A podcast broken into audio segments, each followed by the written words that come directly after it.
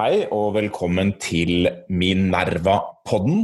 Mitt navn er Nils August Andresen, jeg er ansvarlig redaktør, og med meg har jeg deg, Aksel Fridstrøm, nyhetsredaktør i Minerva. Velkommen. Veldig hyggelig å få være med nok en gang.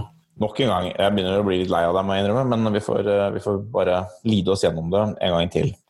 Du, eh, før vi går videre, I dag skal vi snakke om, vi snakke om eh, Giske-saken. Vi har to, to saker om Giske-saken. Det er jo mange saker. Vi har en sak om hva, hva har Giske gjort galt, egentlig. Uh, og en sak om presseetikk knyttet til varslene. Så skal vi snakke litt om et veldig spennende tema, kildesortering. En av Minervas greatest hits ever, som har kommet i ny, ny runde nå. Problemene i Oslo kommune med kildesortering. Og til slutt skal vi snakke litt om politiseringen av alt som er et, eh, et, tema i USA, og kanskje i Norge også. Men før vi gjør det, eh, så vil jeg henvende meg litt til våre lyttere.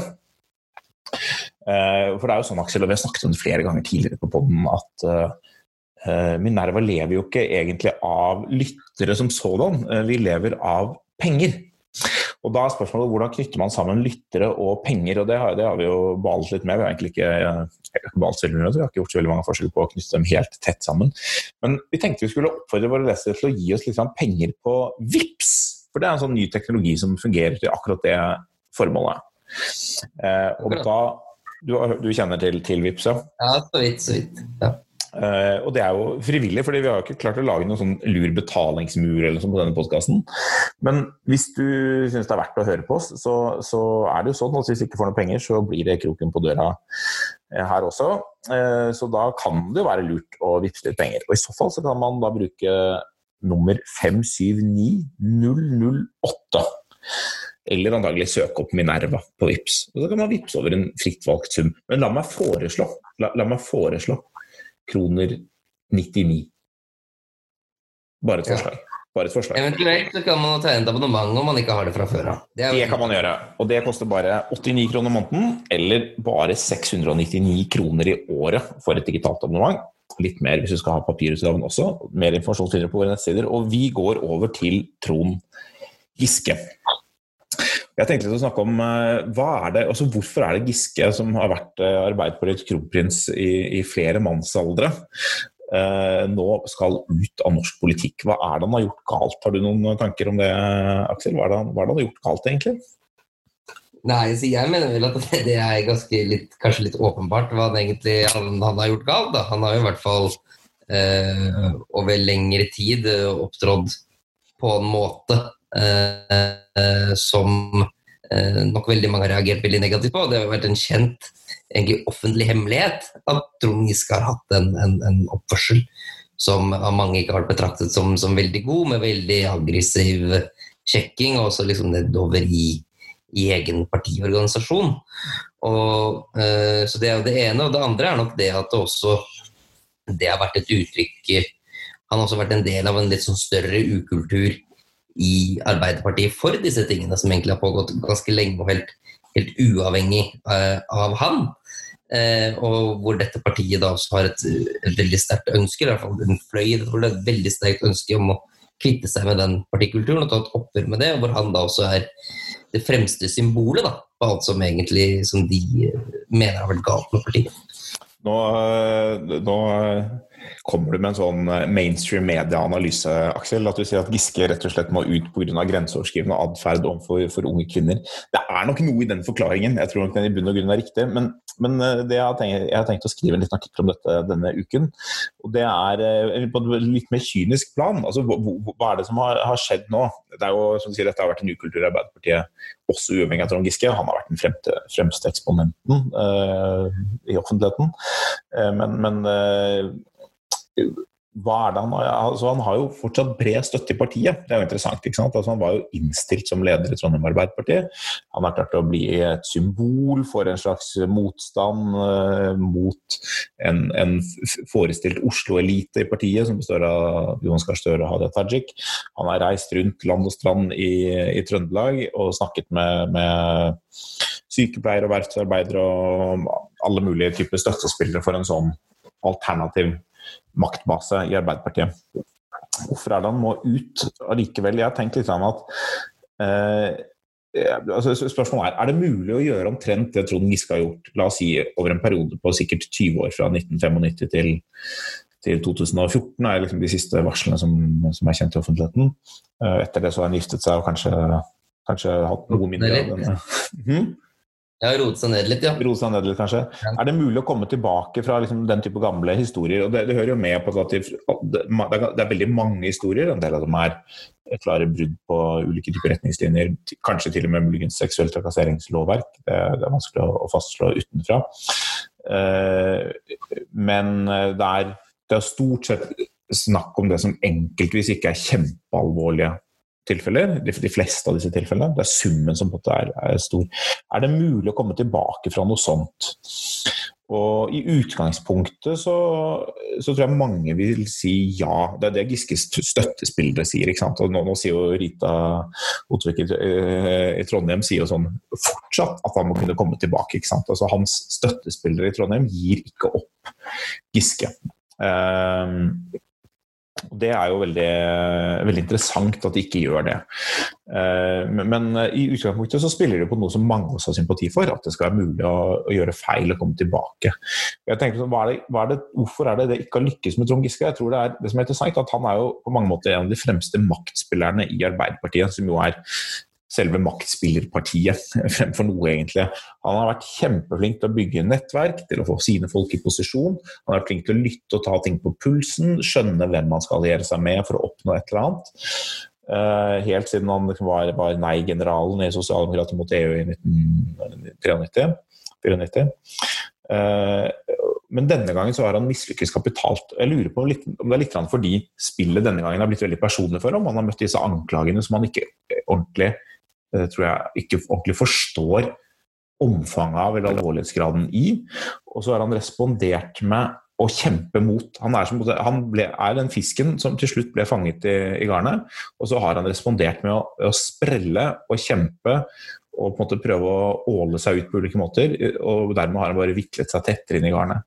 Altså helt fra starten så har Giskes reaksjon vært liksom proforma og akseptere at det har vært noen uheldige episoder. liksom. En og annen uheldig episode hvor han ikke har vært bevisst nok på roller, er liksom den formuleringen han har valgt. Men ellers har han i veldig stor grad viet seg til å så tvil om varslerne, nedtone alvorligheten i det samlede bildet, som jo, eh, som du sier, som har vært en offentlig kjent hemmelighet at det, det, finnes et bilde, for å si det sånn. Uh, hans kone har skrevet en bok uh, som uh, først og fremst er fylt av selvmedlidenhet med, med paret Giske. og han har søkt verv igjen og igjen, eller i hvert fall i flere runder, helt uten at tilliten er gjenoppbygget overfor dem som den er forbrutt mot. Og jeg tror det han ikke helt har skjønt, er at i en sånn situasjon så det er to ting han ikke har skjønt. Det ene er at I en sånn situasjon så hjelper det ikke egentlig å ha et flertall i, i partiorganisasjonen, eller i hvert fall i lokallaget, med seg. Eh, for det er veldig vanskelig å innta verv hvis, altså hvis 30 eller 40 av organisasjonen har null tillit til deg. Da kan du ikke lede. Da kan du ikke være en tillitsmann heller. Altså, du, kan leve, du, kan leve, med at du, du vinner en 60-40-avstemning hvis 40% syns at ok, det var en annen som var bedre, men greit nok, vi tar det vi får. Men i dette tilfellet så er situasjonen den at en veldig stor andel av, av eh, de tillitsvalgte i Arbeiderpartiet er de som har aller minst tillit til Trond Giske. Og Årsaken til det er selvfølgelig at de er jo, dem, de, de er blant dem som har sett dette på eh, denne atferden på aller nærmest hold. Og kanskje en del av dem er direkte berørt av den, andre kjenner veldig godt mange som er det. Eh, og, og, de har null tillit til Giske og utgjør en ganske stor del av partiet. Også i Trøndelag, og det var det som kanskje skjedde nå i Trøndelag Eh, forrige uke, at det til slutt gikk opp for litt flere i Trøndelag at dette er ikke et liksom, eh, metoo-eliten i Oslo-fenomen. Det, det, er vel så mye et fenomen i lokallagene i, i Trøndelag og i Trondheim. Så Det er liksom den ene biten man har misforstått. Eh, det, at det, det, er ikke mulig å styre eller å søke tillit og innta lederverv når, man, når, en, når det finnes en så total tillitsbrist som det gjør i store deler av partiet. Og spesielt da, liksom blant tillitsvalgte. Uh, og så er Den andre tingen jeg tror han har misforstått, det er uh, da, altså, hva, hva, kunne man gjort for å gjenoppbygge tillit? Uh, og det, det er jo egentlig veldig basic. ikke sant? Det er, det er alle kommunikasjonsrådgivere sier hver gang du havner i trøbbel. Legg deg flat, med, få alt opp og gjør det med en gang. Og Det er det ingen som blir anklaget for noe noen gang klarer. Altså man, det menneskelige psyken er innstilt sånn at i møte med anklager så vil man alltid oppleve det som litt urimelig, og så vil man reagere ved å slå tilbake og kjempe imot det bildet som tegnes. Ja, kjempe imot på irrelevante detaljer. Ja, kjempe imot på irrelevante detaljer, og det har selvfølgelig Giske også, sant, også gjort. og Skrevet lange, lange tilsvar. Og det er jo sånn Uh, altså Gi disse menneskene First House altså Jeg begynner å bli for sånn gratis utdeling av First House til, til alle som havner i offentlig klammeri. Altså, fordi det er, det er liksom det er disse basic rådene som ikke blir fulgt. Nå kan nok First House og andre fortelle at uh, disse rådene blir ikke fulgt selv om de blir gitt. Fordi det, det, det instinktet er så sterkt da, om, å, om, å, kjempe tilbake. Men I dette tilfellet så får man i hvert fall en tydelig, uh, tydelig eksempel på at det går ikke. Tilliten er ikke gjenoppbygget. Og, og, det er ikke sikkert han kunne vært det, men, men, man kunne i hvert fall ha prøvd. Altså, man kunne ha gått veldig mye lenger. Giske kunne gått veldig mye lenger i å og forsøke å forstå hvorfor er det så mange har reagert på dette, istedenfor veldig lett å begynne å tolke det inn i en maktkamp, som han helt åpenbart tidlig har gjort.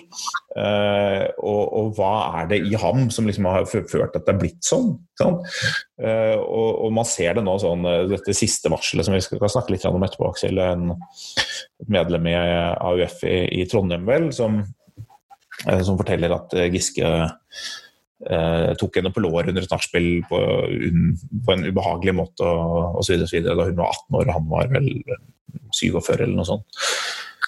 Uh, og så, Hvis jeg forstår det riktig, så skal Giske på samme nachspiel ifølge en annen anklage ha sendt tekstmeldinger til og siden forsøkt å stoppe en Eller i hvert fall sperret døren for en annen AUF-er på det samme nachspielet. Og så skriver Giske da i sitt tilsvar liksom det. Ifølge anklagene skulle altså på ett og samme nachspiel ha gjort liksom begge disse to tingene. Får det til å høres ut som noe, er, noe som er veldig usannsynlig, og åpenbart noe som da er til å så tvil om, om, disse forklaringene. Og Utenfra kan man selvfølgelig ikke vite hva som er riktig, men jeg tror alle som har vært på et nachspiel, veldig mange som har vært på et nachspiel, vil vite at det er mulig å forsøke å sjekke opp to stykker på samme nachspiel. Det er it's known to happen. Eh, og ut fra alt annet man vet om Trond Giske, så er det liksom ikke sånn at man tenker at han må være det åpenbare unntaket fra eh, muligheten for fra den, regelen at det er mulig å sjekke opp to personer på ett og samme nachspiel. Så, så, det er liksom noe med sånn den, den, viljen til å kjempe tilbake, ofte på litt sånn dårlige måter, eh, den har åpenbart ikke bidratt til å gjenopprette tillit. Selv om man selvfølgelig ikke kan utelukke at i noen av disse tilfellene så, har, eh, så, så er det upresist at det blir fortalt, ikke sant? og det er vanskelig å ettergå osv. Men han har, eh, summen av det er at han ikke har klart å skape noe inntrykk av at han Eh, i, i, sum tar dette på det alvoret som det, det, trengs. Det fremstår som proforma når han unnskylder seg. Og han har brukt veldig mye mer energi på å så tvil om eh, dem som har kommet med påstander, eh, enn han har gjort på liksom å gå i seg selv. Og det, til slutt så er det det som har ført til hans fall, og sånn sett skal man si at det er, det er vel fortjent. Både fordi han ikke har vist nødvendig innsikt i det han har gjort, og fordi han heller ikke på kynisk vis har forstått basic kommunikasjon 101 og, og strategi, politisk strategi. Og da er det ut også for en tidligere kronprins i Arbeiderpartiet. Men du Aksel, eh, nå snakket om dette, disse varslene, det er vanskelig å ettergå dem. og Da tenkte jeg at vi skal gå over til neste sak. For du har, du har tenkt på denne, denne uken at det er, det er interessant det hvordan vi behandler disse varslene i pressen. Hva er det egentlig du tenker på, på da?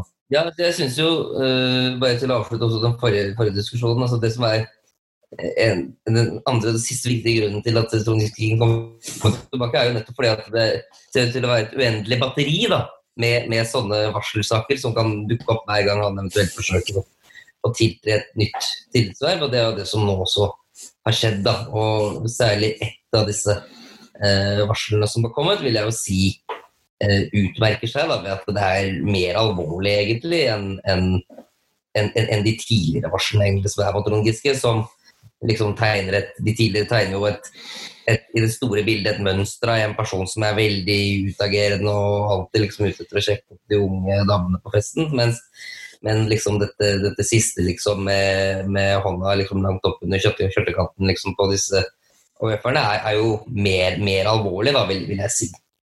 Eh, og det er jo gjengitt i både Aftenposten og eh, Bergens Tidende og Skipsetavisene som først Adresseavisen som hadde det først. Adresseavisen hadde det først. Unnskyld. Men eh, det er jo en, en, interessant diskusjon, for det er jo veldig veldig, veldig vanskelig å bevise hva som eventuelt har skjedd på et, på et nachspiel for vel seks år siden. Dette var vel i 2014. Mm. Så det blir jo bare en, en ren sånn uh, ord mot ord-sak. Og uh, vanligvis så vil man kanskje si at da skal ikke pressen publisere disse anklagene, for det blir bare, bare ord mot ord, og det er liksom helt uh, umulig for han å, å, forsvare seg mot. da. Det er det Giske sier selv, at det er, det er, blitt umulig å forsvare seg med denne presseetikken, og derfor Derfor trekker han seg. Altså, også da en selv, selvmedlidenhet også i det han trekker seg, kan du si. Men, eh, men det er jo noe i det, kanskje? eller? I, altså det er i hvert fall øh, Jeg vil nok kanskje si at det i hvert fall disse publiseringene liksom strekker i hvert fall litt grensen for hva som tidligere liksom har, har, vært gjort i, i, norske aviser.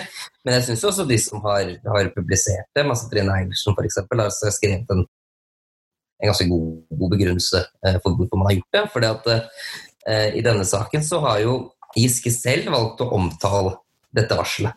Ikke sant? Så Han har jo gått ut og sagt at i tillegg til dette SMS-en han hadde sendt, og sånn, så, har han liksom også eh, da befølt en, en dame på, på låret.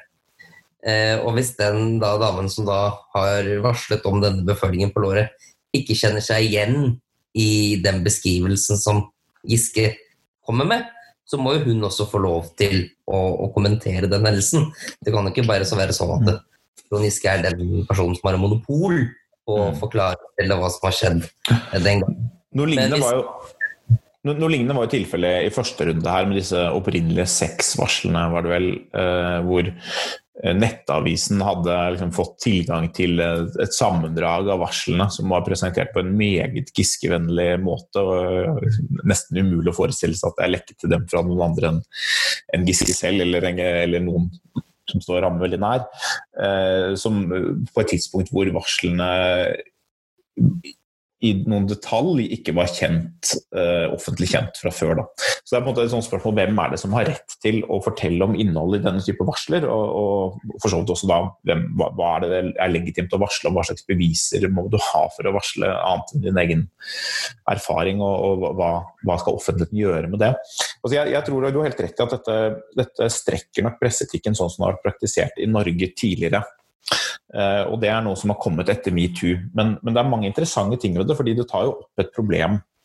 Et åpenbart problem, egentlig. At den situasjonen som har vært tidligere, har da vært at folk som har opplevd en eller annen form for urett som ikke er objektivt uh, beviselig, og spesielt hvis det er en form for urett som ikke er kriminell, sånn at det heller ikke kan være en, en kriminalsak, uh, de vil ikke kunne fortelle om sin erfaring i mediene. Uh, og, så kan man diskutere er det forskjell om de gjør det anonymt eller, eller uh, under fullt navn. Og det, og det, kan det jo være. Det, kan, det, er mer problematisk når denne type varsler er anonyme. selvfølgelig, gjør det også enda vanskeligere å forsvare seg mot og sånn. Selv om det alltid kan være forståelig hvorfor det er sånn. Men i dette siste tilfellet så har jo denne personen stått frem med fullt navn. Så det er ikke en anonym anklage. Det er en, det er en konkret påstand fra en konkret person om noe som har skjedd. Og da er det uh, hvis, hvis, man sier at presseetikken må være sånn at man ikke kan på en måte Eh, trykke anklager mot navngitte personer som ikke kan eh, liksom undersøkes eh, eller ikke kan bevises, så skaper det en veldig vanskelig situasjon for veldig mange typer urett som da blir totalt upåtalt i, i mediene. og det, det blir også veldig skjevt.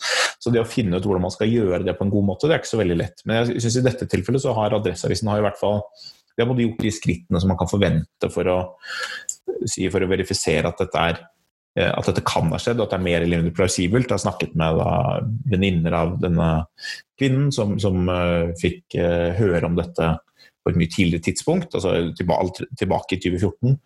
Uh, som jo selvfølgelig ikke er noe bevis, men som, som si, en, og det var noen tekstmeldinger der også som for så vidt beviser at dette er i hvert fall blitt dette er i hvert fall en påstand som stammer fra 2014, og, ikke, og sånn sett ikke er noe som dukker opp nå i forbindelse med maktkampen f.eks. Og så hører du med at I andre land så har man jo hatt helt andre tradisjoner, mye mer liberale presseetiske tradisjoner for, uh, for å komme med alskens påstander. I USA så vet du at det er og Spesielt da når det ikke er anonymt. Anonymt er, er selvfølgelig noe mer vanskelig. Men i USA så er det jo jevnlig sånn at eh, folk påstår ting om presidentkandidater spesielt, ofte av seksuell art, som uh, selvfølgelig av og til er sant, og av og til kanskje ikke er sant. Og som i alle tilfeller er vanskelig å ettergå. Og dermed så er det noe som, uh, som selvfølgelig kan bli en del av maktkamper osv. Men i USA så har man jo da hatt en holdning at, fra et presseperspektiv at en påstand om dette er nyhetsverdig og, og legitim. da. Og så, så, blir det opp til den offentlige debatt å avklare om det er troverdig eller ikke.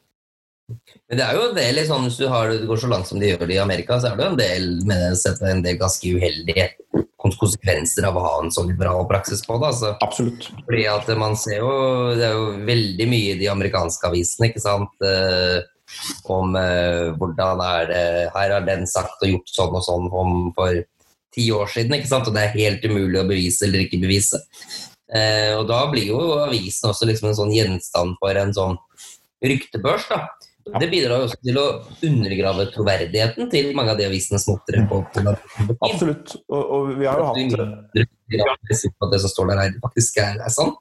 Ja, og Vi har jo flere eksempler på dette nå nylig. altså Det er jo da eh, konfirmasjonen, eller senatsbekreftelsen av Brett Kavanaugh som høyesterettsdommer, hvor det kom opp da en, en voldtektsanklage fra var det 1982 eller noe sånt, eh, som er veldig vanskelig å ettergå og bedømme i, i ettertid. Eh, som selvfølgelig godt kan ha vært sann allikevel. vi har også denne saken om Al Franken, som ble anklaget for å ha Hva var det for noe? Jeg husker ikke helt. En, jeg tror det var noen pupper involvert. Det var ikke noe veldig alvorlig anklage, men det endte med at han måtte trekke seg som senator. Siden så har den saken kommet i et helt nytt lys og fremstår som en blanding av en bagatell og en liksom ondsinnet uh, forsøk på ja, kanskje både anklage og, og journalistisk dekning.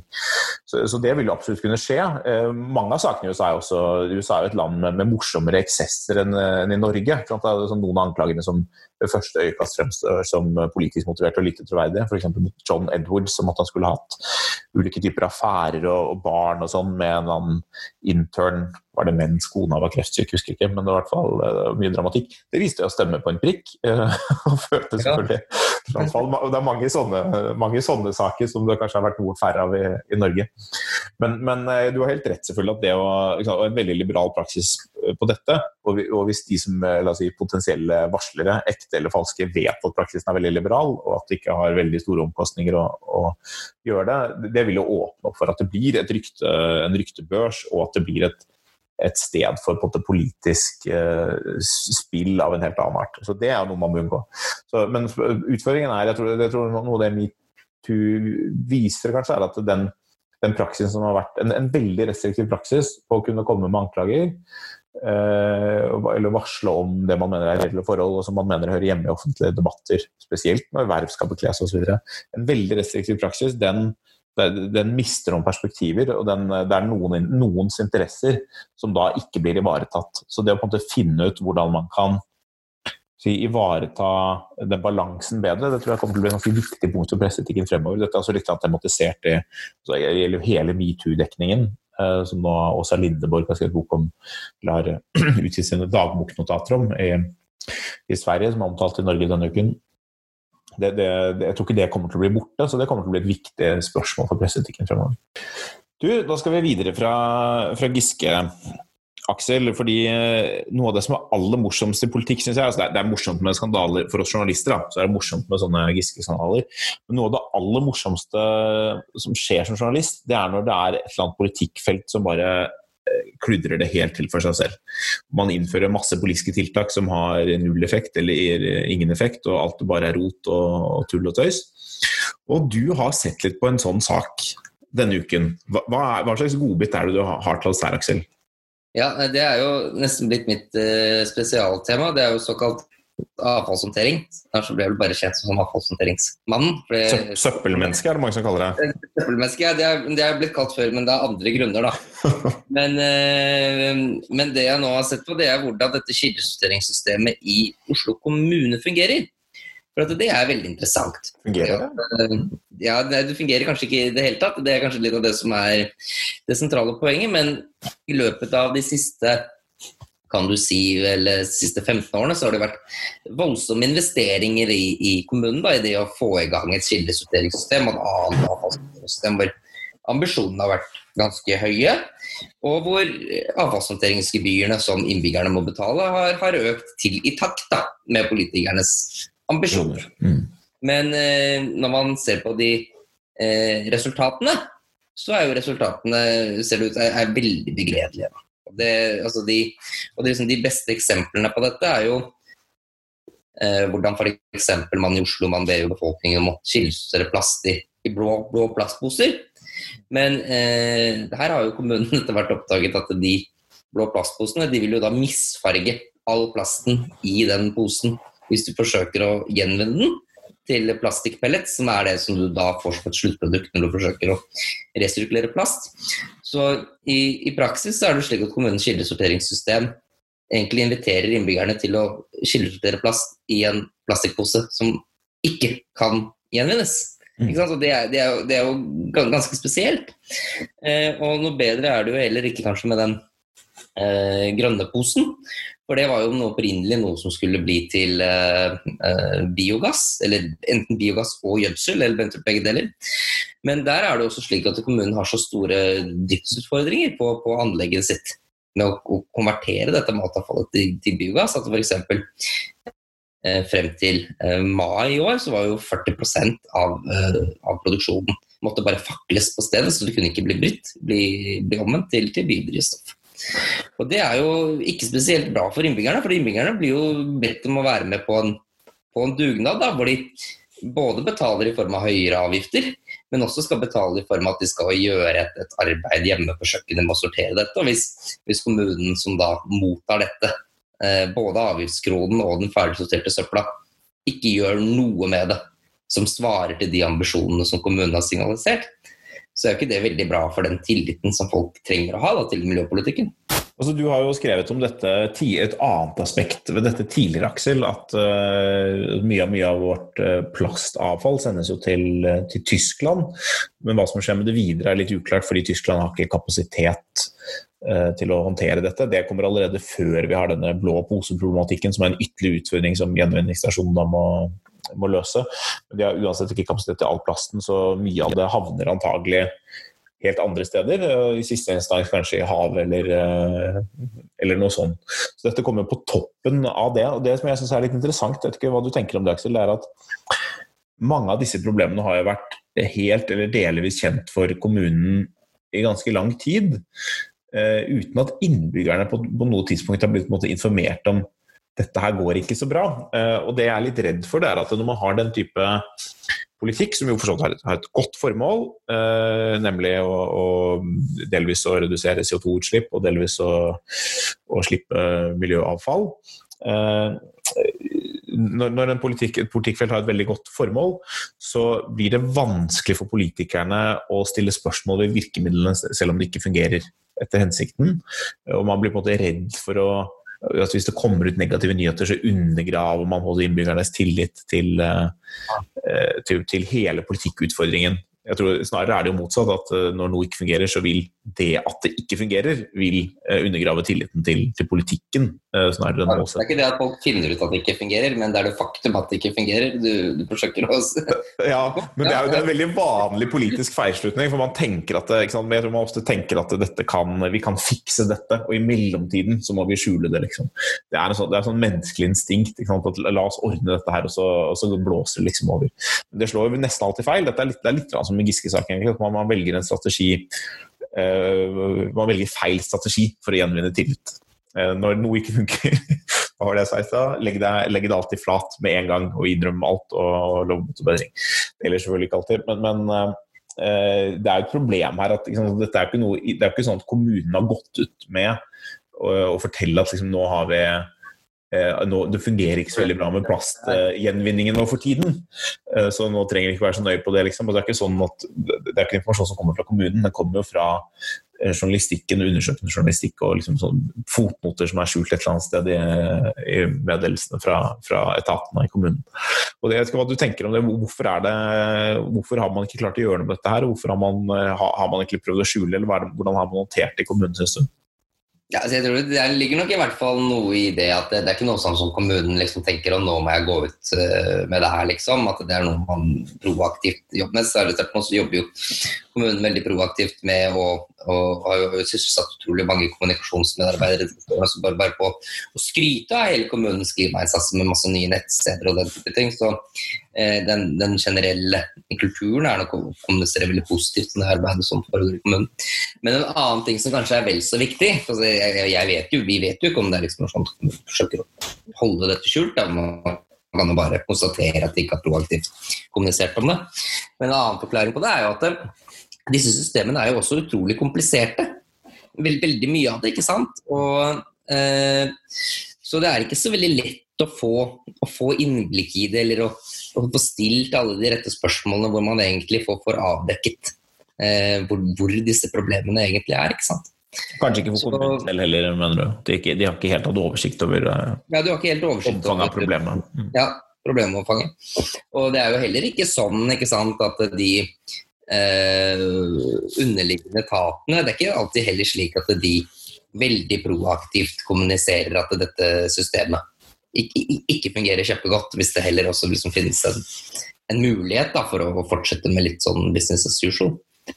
Eh, men hvis man ser på, på makrobildet, altså hvor mye penger er det kommunen krever inn i avgifter for avfallshåndtering, og sett opp mot hvilke resultater er det de får, så vil man jo se at uh, Oslo kommune sant, har dobbelt så mye betalt fra sine innbyggere som man gjør i nabokommunen. Jeg skriver i artikkelen at nabokommunen er Ski, men da har jeg blitt gjort oppmerksom på at uh, Ski kommune ikke finnes lenger, så heter det Nordre Follo. Men uh, jeg er jo sånn at jeg anerkjenner jo egentlig ikke kommunereformen eller regionsreformen, så jeg holder meg bare på, på, på, på de gamle navnene. Men for lytterne, de vil jo da kanskje det er Nordre Follo jeg da mener da, som har halvparten av gebyret, men dobbelt så gode resultat. Da jeg vokste opp, så var det mange i min foreldregenerasjon som eh, alltid omtalte Sovjetunionen som Russland. De var så gamle at de liksom eh, nærmest var født mens det fortsatt het eh, Russland. Men så, ikke lenge etter Sovjetunionens fall, så begynte de gradvis å gi over til å kalle det Sovjetunionen, og ikke minst å si morbide termen sovjetrussere om både russere og ikke-russere. Så når det bare går lang nok tid, så får vi med oss det nye navnet. Spørsmålet er om det skjer før eller etter at kommunereformen er reversert.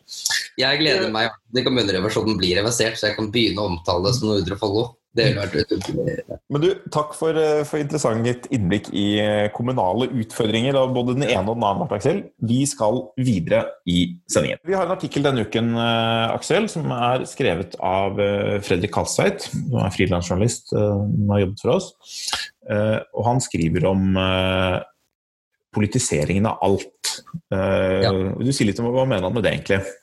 Nei, han, Kalstveit han bor jo i San Francisco og skriver jo da litt om eh, ting som man eh, kan se i sitt eget, eget nabolag, og trekker også noen tråder til litt ulik litteratur han har lest. Da. Men det som er utgangspunktet for Carl Steitz eh, artikkel, det er jo da en demonstrasjon utenfor Whole Foods i San Francisco. Whole Foods er jo en sånn en, en egentlig en premium uh, matvarekjede som også er uh, vel mye fokus på, på, økologisk og sånn, og egentlig ganske sånn et, et, et, et, uttrykk for noe som er ganske politisk korrekt i utgangspunktet, er Whole Foods, egentlig.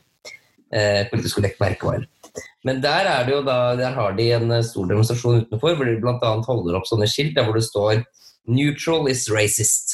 Eh, og Det omhandler jo da at eh, Whole Foods har nektet, tror jeg, noen av sine ansatte å benytte Black Lives Matters munnbind.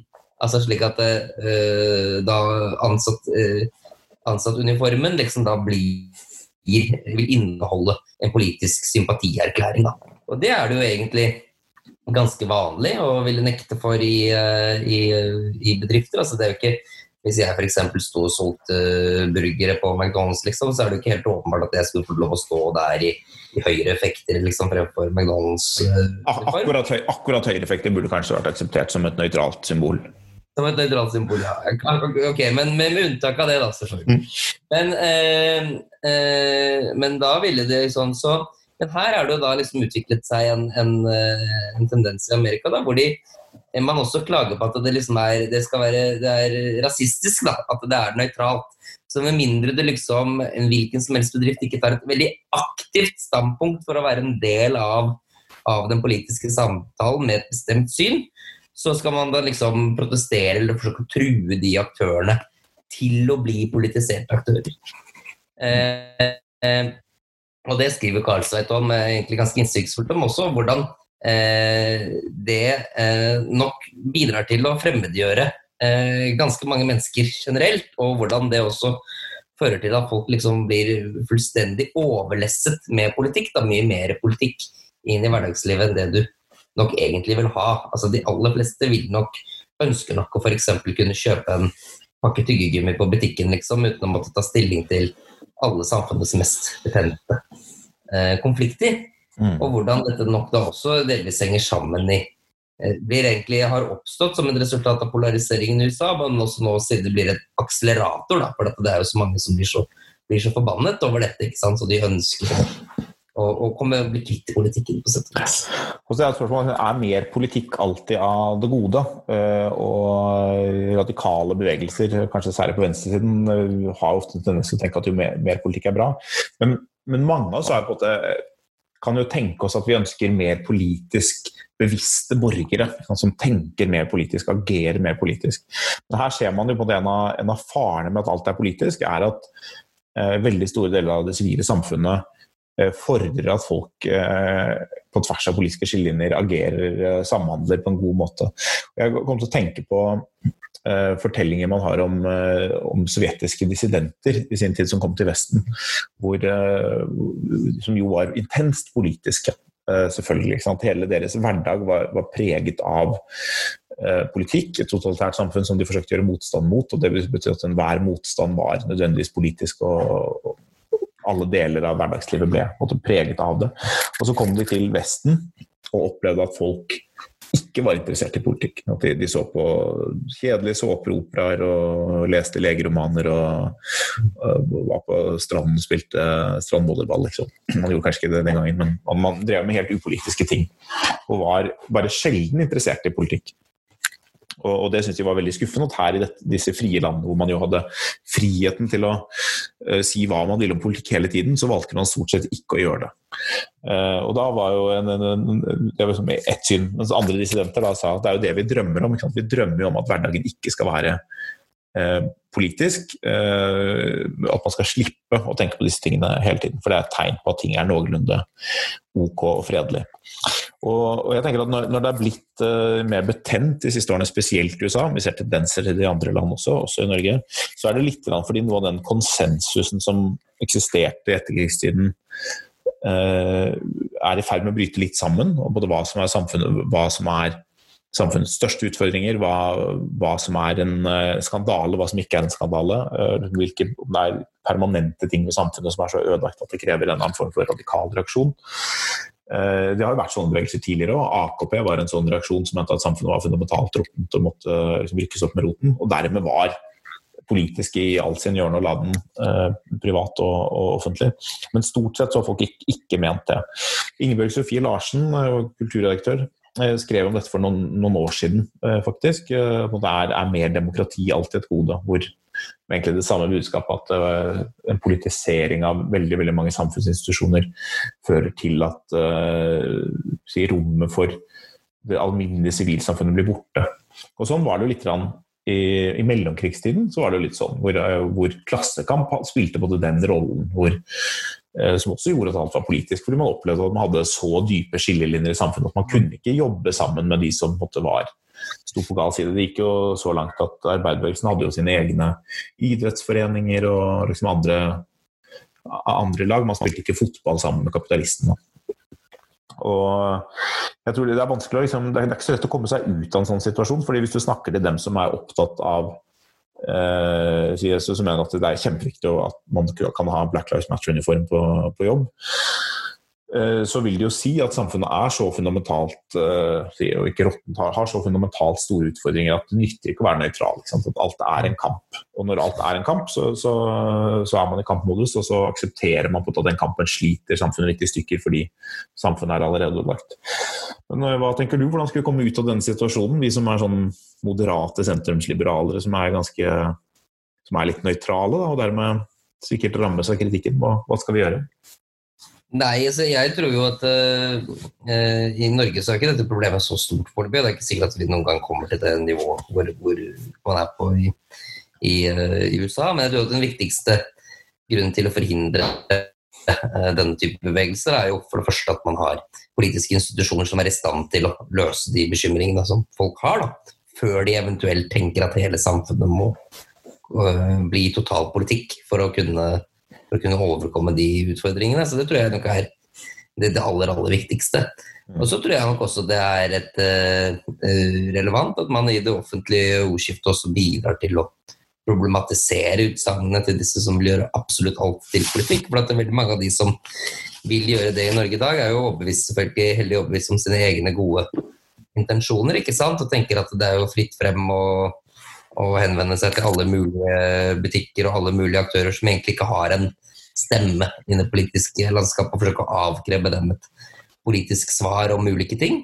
Ja, det tror jeg man i stor grad også bør være ganske kritisk til, og også konfrontere de aktørene som gjør det, med hva er det som forstår man egentlig konsekvensen av hva det er man holder på med når man gjør det. Vi hadde jo eksempler på dette i Norge. Vi hadde om det i Minerva også. du skrev vel om det du, Aksel, om uh, Ikea og Oslo kommune, som, eh, eller eiendomsetaten, plan- og byggeetaten, som reagerte på Gelmudens uttalelser. Eh, hvor man da politiserer i hvert fall kundeforhold av ulike art. Vi har jo tilfelle med annons, annonsørnekt på sånne automatiske annonser hos Resett. Det har vært en annen, en annen type sak i Norge. Du, tenker du at de er en del av dette bildet, eller er det litt annerledes? Ja, jeg tenker at det absolutt er en del av dette bildet. og jeg tror at det det som man jo ofte ser, er at man har jo, liksom, man har jo utviklet også en, en, en ofte, Dette er jo litt i tråd med i motstrid egentlig det, det du sier om at man alltid skal legge seg flat i, i Giske-strategi.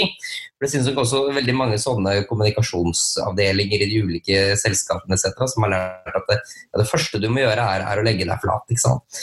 Men eh, hvis alle selskaper gjør det hver eneste gang det kommer en eller annen form for aktivist, så vil jo denne aktivismen bli ekstremt effektiv. Eh, og bare balle på seg i, i, omfang. Og det kan jo ha eh, negative konsekvenser, ikke nødvendigvis for de selskapene som blir kvitt denne kritikken og legge seg flat, men for, for hele samfunnet som, som en helhet ved at alle selskaper til enhver tid liksom gir, gir etter for den interessen.